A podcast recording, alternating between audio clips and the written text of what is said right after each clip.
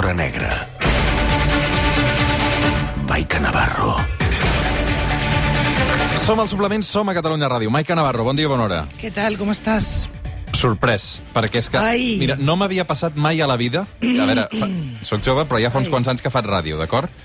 Aleshores, no m'havia passat mai a la Quants vida... anys tens, que no me'n recordo mai?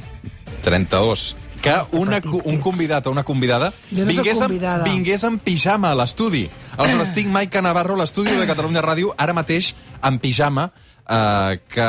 I sense sostenidor. Ah. I m'he tret les sabates. Escolta, eh, jo no sóc una convidada, perquè clar, si... si el Col·laboradora. Meu... Home, clar. Però un moment, un moment, un moment, un moment. O sigui, què fas en pijama? Perdona, eh? Què fas en pijama? Doncs perquè m'he liat i ja no em donava temps de... Sí. M'he liat. I com que Però plou... a quina hora t'has llevat? A les 7, a les 7, m'he aixecat a les 7, m'he aixecat a les 7 perquè tinc gossos. Però m'he liat, m'he liat perquè no m'havia donat compte que perquè a les 7 no plovia i després ha començat a ploure molt i quan m'he donat compte tenia tot el sofà nou de la, del balcó a ple d'aigua, però aquest no era el problema. El problema és que havia col·locat a sobre uh -huh. uns mocadors que m'havien portat de la Índia i s'han destanyit completament, els mocadors eren de color lila. He intentat durant tot aquest temps veure la manera, trobar la manera. De fet, he fet un reclam a Twitter, un help d'aquests, de, sisplau, algú em pot ajudar? I m'he liat, m'he liat, m'he liat, m'he liat, i quan m'he liat, hòstia, era les 9 i mitja, havia d'estar aquí a les 10, amb la moto ja no em donava temps. Suposo que molta I- gent a Catalunya es deu preguntar com és el pijama de Maica Navarro. Doncs bé, eh, he d'explicar que és un... Bueno, me'l canvio cada dia, eh? També jo rento cada dia el pijama. Però és, és un, és un pijama d'aquests de xandall perquè- llarg. perquè- No, no és una cosa de seda, és un pijama d'aquest de, de Home, xandall clar, de color gris. A, a les 7 del matí jo baixo els gossos a pixar i els baixo en pijama, i clar, no, en fi, amb de seda no. Saps on em vaig comprar aquest, uh, aquest pantaló de pijama? A Namíbia, Ah. en un supermercat de Namíbia. Carai. Sí, sí, soc molt cosmopolita, o sigui, fins i tot els meus pijames tenen història. Mm. Cosa que amb tu, segurament, amb aquests pantalons que portes, no pots fer cap relat interessant. Ni, ni molt menys amb la camisa, Per què?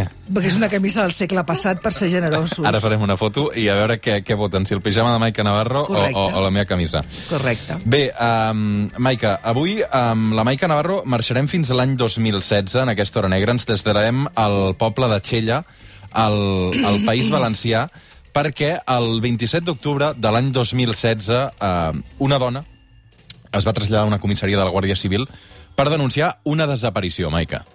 Sí, i la seva filla es deia Vanessa Ferrer, només tenia 15 anys, i la Carme mm, feia doncs, tot una nit que no, que no, que no, l'havia- que, bueno, que no havia anat a dormir a casa. En un principi no, no, no, no, no, es, no es va preocupar del tot, és a dir, eh, aquell dia la Vanessa havia, havia anat al cinema, havia tornat a casa, i després de sopar eh, li va rebre un missatge, la mare tampoc va, va prestar molta atenció, i va dir la Vanessa que havia quedat amb unes, amb unes amigues i que, bueno, que tornaria abans de, de mitjanit. I la Carme doncs, la, la va deixar marxar. Eh, la casa, hem d'entendre que la situació a casa de la, de la Vanessa era, en aquell temps era, era molt complicat. El pare havia patit un accident de trànsit, estava en cadira de rodes. Eh, la mare treballava fora de casa i anava especialment cansada i arribava esgotada i cap a les 10 del vespre es va quedar dormida i no, i clar, no va controlar que la Vanessa tornés o no. El cas és que bueno, es va aixecar dos quarts de set per tornar a treballar, va veure que, no, que evidentment el llit estava tal com ho havia deixat i, i va, i insisteixo, no, va anar, no es va preocupar que perquè va pensar que s'hauria quedat a dormir a casa d'alguna amiga i que no l'havia avisat. Se'n va anar a treballar i sí que ja es va preocupar i va i va començar l'angoixa quan al tornar a treballar veu que el dinar que l'havia deixat preparat perquè mengés la Vanessa tot just tornés de l'institut, doncs estava tot al seu puesto i es va començar a buscar a les amigues de a les companyes de classe, totes els hi van assegurar ostres, que no havia anat a l'institut aquell matí i aquí és quan ja se'n va anar a la Guàrdia Civil a, a denunciar. Per tant, tenim la Vanessa, que havia sortit la nit anterior i que l'endemà tampoc va a l'institut. Aquesta primera alerta de la Carmen, de la seva mare, crea una cadena de missatges entre els amics de la Vanessa perquè ningú en sabia res d'ella, no? Exacte, no havia anat, al, no havia anat al, a l'institut i la mare, amb aquestes amigues que ja sospitava, bueno, que ja pensava que havia anat a, havia quedat amb elles, tal com l'havia explicat la filla, doncs li asseguren que no, que no, que, que ja no... que amb elles no havia quedat. Però a qui sí havia quedat era, i li expliquen, doncs amb un, bueno, doncs amb un, amb un, amb un noi amb el que en aquells moments començava, començava a, a veure's. Però en qualsevol cas, eh, el que sí provoca, un cop denunciat a la Guàrdia Civil d'Enguera la denúncia per desaparició, és que tot el poble, tot el poble es mobilitza per, per trobar-la per trobar i comencen doncs, a buscar-la aquella mateixa nit per, per tot arreu. On troben el cos, Maica? Doncs van estar uns agents del Servei de Protecció de la Natura, de la Guàrdia Civil, dels anomenats el Saprona, i que patrullaven per la zona, també estaven participant en, aquesta, en aquest dispositiu de, de recerca de la jove, i troben eh, el cos estimbat en un avenç de la, de la zona. Es coneix com l'avenç dels borricos, i el que era bàsicament era un forat enmig d'unes roques, de molt, a més a més de molta profunditat, i era un, un lloc que era conegut a, a, a les les, allà a la zona perquè els pagesos acostumaven a llançar-hi allà els animals, els animals morts. Com estava el cos, Maica?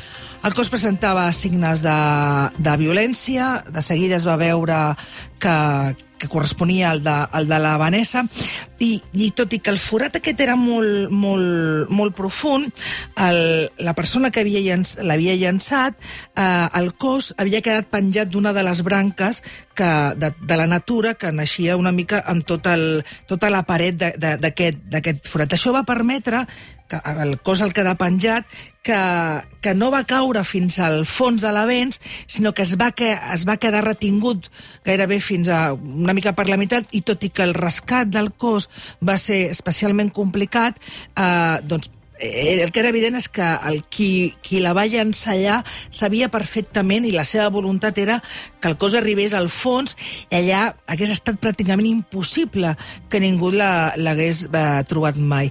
El cos eh, no portava els pantalons i també els forenses, quan van en el primer anàlisi de, del cos, un, un cos recuperat, van determinar que la caiguda tampoc havia provocat la seva mort, sinó que ella havia estat assassinada prèviament.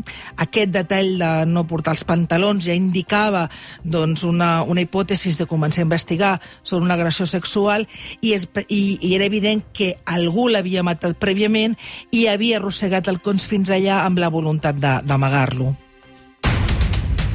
Avui amb la Maica Navarro recordant el cas de Vanessa Ferrer l'octubre del 2016 a Txella, al País Valencià tenim la policia que troba el cos amb evidents signes de, de violència i la policia també que comença aquesta investigació parlant amb l'entorn de, de la Vanessa. Interroguen el nucli d'amics i una noia els ensenya un missatge de la Vanessa que havia rebut aquella mateixa nit de la desaparició d'un noi que es diu Rubén.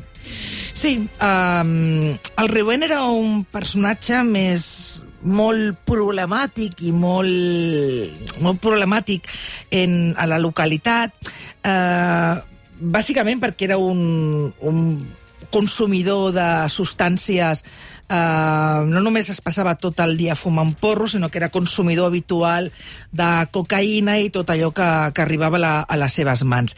És veritat que la Vanessa havia començat a, a, a visitar-lo i, a, i, a estar, i a estar amb ells, i eh, una de les amigues de, de, de la Vanessa, el que ensenya als investigadors, evidentment els investigadors el que fan, la Guàrdia Civil, és començar aquests interrogatoris a tot l'entorn de la Vanessa per intentar reconstruir tot allò que havia fet finalment aquella nit, amb qui s'havia pogut veure, i una d'aquestes amigues el que ensenya als investigadors és un missatge en el que la Vanessa explica que havia anat a veure, havia anat a veure, havia quedat amb el, amb el Rubén, doncs per, doncs això, per anar, per anar a veure, i que al final havia mentit a la seva mare, la quartada era eh, que havia anat amb unes, uh, unes amigues. Què va dir el Rubén quan, quan la policia el van a buscar? bueno, el Rubén no només no havia marxat de casa, sinó que, a més a més, havia col·laborat en aquelles primeres hores en aquell desplegament de dispositiu de, de recerca de, de la noia. Bueno, els hi va reconèixer que aquella nit havia quedat amb ella, però que ella no va aparèixer. I que, bueno, que de fet que havia estat tota la nit amb uns amics, que havia estat fumant i que, bé, que amb la Vanessa només s'havien intercanviat aquests missatges, perdó, s'havien eh, intercanviat aquests missatges, però que no l'havia arribat a veure, i els agents, doncs bé, els hi van dir, bueno, doncs, escolta'm, si no tens res que amagar, ensenya'ns els mòbils, ensenya'ns el mòbil i aquests missatges, aquests missatges.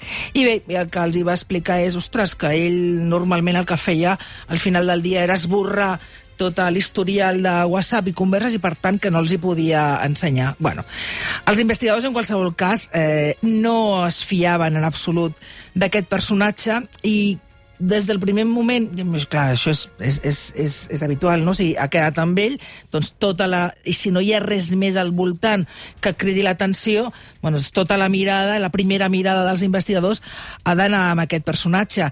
I clar, eh, a més a més tenia uns antecedents que el feien encara més sospitós.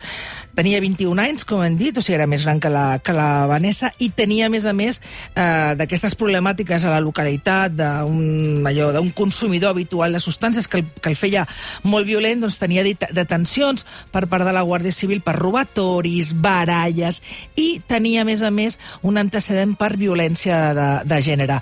El 2015, que havia estat un any abans de, de la desaparició de la Vanessa, havia complert una condemna de 50 dies de treball eh, en benefici de la comunitat per maltractament a la seva exparella. Tenia una ordre d'allunyament que no respectava gairebé ma- mai i, bueno, bàsicament era, era un personatge absolutament conflictiu, vivia en una família molt complicada i, a més a més, tenia unes reaccions molt, molt violentes a, amb tot el seu entorn. El Rubén tenia 21 anys, només, però és que la Vanessa només en tenia 15. Aleshores, dins d'aquesta investigació, eh, la policia, que com ara explicava la Maica, no s'acabava de fiar del Rubén, eh, va trobar uns missatges que ell havia negat que existien, no?, dins del mòbil. Clar, eh, no hi havia cap indici directe per poder detenir el Rubén, però sí hi havia tot un... No hi havia cap prova directa per detenir, procedir a la detenció del Rubén, però sí hi havia tot un seguit d'indicis que que se n'anaven incrementant a mesura que passaven les hores. Aleshores, el que la Guàrdia Civil demana al jutge que, que estava tota la investigació és eh, intervenir les seves comunicacions. Què fan? Aleshores, ell, el que descobreix la Guàrdia Civil és que el Rubén, la nit de la desaparició de, de, la, de la Vanessa, és a dir, uns minuts abans de les 11, eh, va fer com 90 missatges a un dels seus amics 90, demanant-li eh? 90 missatges per demanar-li que li deixés un, un cotxe. L'amic eh, li preguntava que per què collons volia el cotxe en aquelles, aquelles hores, i el Rubén va començar a fer doncs, tota una mina d'explicacions que concreta, i al final l'altre, per, per, per no sentir-lo més, i a més coneixedor d'aquestes reaccions violentes del personatge, eh, el li va deixar.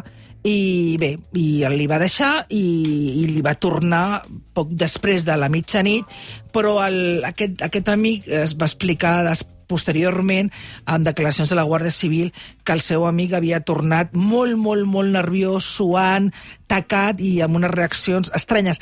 Però estranyes, diguéssim, amb el temps, perquè en aquell moment, com era un personatge imprevisible, tampoc això va... Ell, ell va relacionar aquesta actitud amb la desaparició de la Vanessa en els primers moments de la, de la, de la veu d'alarma. És evident que tots els indicis apuntaven al Rubén. en algun moment va confessar el crim, Maica? Sí, eh, bueno, es va, ell sabia perfectament que sabia perfectament que, que se sentia molt se, se sentia Assenyalat. eh, assenyalat, sabia que mm, cada cop la Guàrdia Civil interrogava més el seu entorn i el que fa és, eh, bueno, en una d'aquestes, ell comença a tot el seu entorn a demanar, a suplicar, a exigir que, que, que, que l'ajudin a fer una coartada i fins i tot pressió, intenta pressionar molt amb aquest que li havia prestat el cotxe per dir-li que, que això no havia estat així.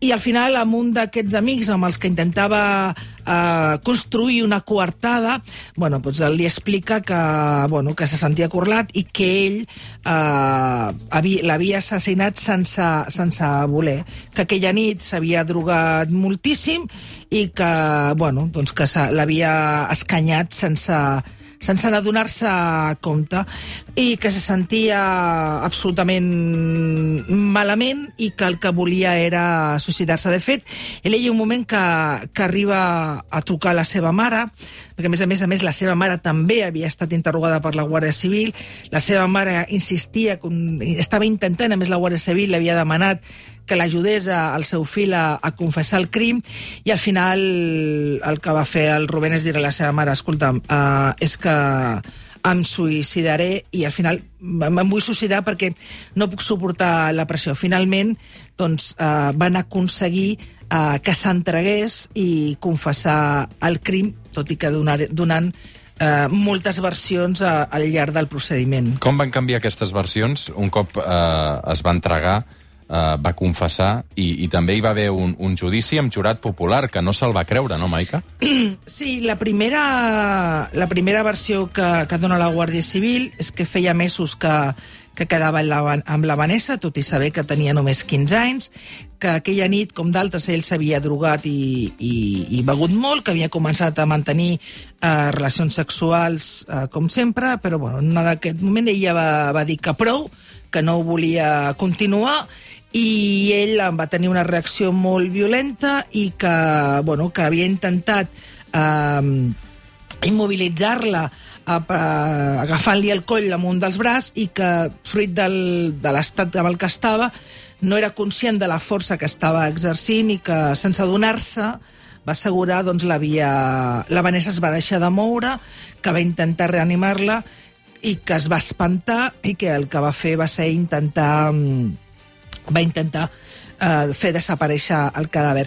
El que passa és que aquesta versió, com deia, va anar variant i de fet de, durant aquest el judici que va, es va celebrar després amb, amb, amb, amb jurat popular que, com deies, no, no, el, va, no el va creure, eh, ell va negar que va negar haver mantingut relacions sexuals i, i va negar també Uh, va negar haver tingut relacions sexuals, però no, bàsicament això és un intent uh, de la defensa per, per evitar, intentar evitar uh, una cosa que no va evitar, que va ser aquesta condemna de presó... De permanent presó, revisable. De, presó, permanent revisable, que després, eh, un any després, el Tribunal Superior va confirmar després d'un recurs de, del, d'un recurs de, dels seus advocats.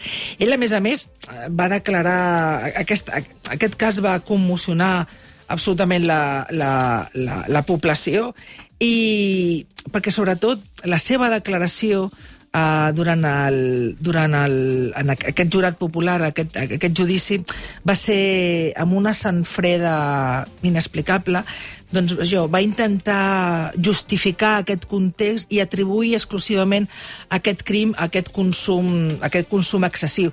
Tot i que els, els forenses que el van, el van examinar van, i van declarar en sala van assegurar que tot i el, que el consum era habitual, que aquella nit no havia fet res que no fes d'altres i que, per tant, era absolutament conscient de tot el que havia fet i de les conseqüències que tenien els seus fets i que la voluntat última era desfer-se de, del cos de la, de la petita Vanessa. Fa pensar aquest cas una mica amb el de la Diana Kerr, no? Bueno, amb, amb, uns, amb bastants... Bé, aquest, amb la Diana Kerr, clar, el cos va trigar gairebé un any en trobar-se i no havia un coneixement previ entre la Diana i el Chicle, el seu assassí. Per tant, era, sí que és veritat que no, potser a l'hora d'explicar de, que, que havia estat un, aquestes múltiples versions que va fer el Xicle de dir que, bueno, en un primer moment que havia estat un accident de cotxe, que es va espantar i que es va desfer del cadàver en aquella vessal d'aigua pura. Tenim un minut per... Sí, Tenim un minut? avui amb la Maica Navarro hem, hem recordat el cas de Vanessa Ferrer l'octubre del 2016 a Txell, al, al País Valencià. Uh, tenim un minut perquè, Maica Navarro, uh, vols recordar una notícia tràgica que hi ha hagut aquesta setmana també, no? D'un company sí. periodista uh, mort, el, el David uh, Beriaín, sí, uh, aquesta setmana a Burkina Faso. Eh? Sí, bàsicament explicar dues coses. Una, eh, reconforta saber que, que fa aquesta, aquesta, aquest matí el cos del, del David Bariain ha arribat a la seva localitat d'Artajona, Navarra.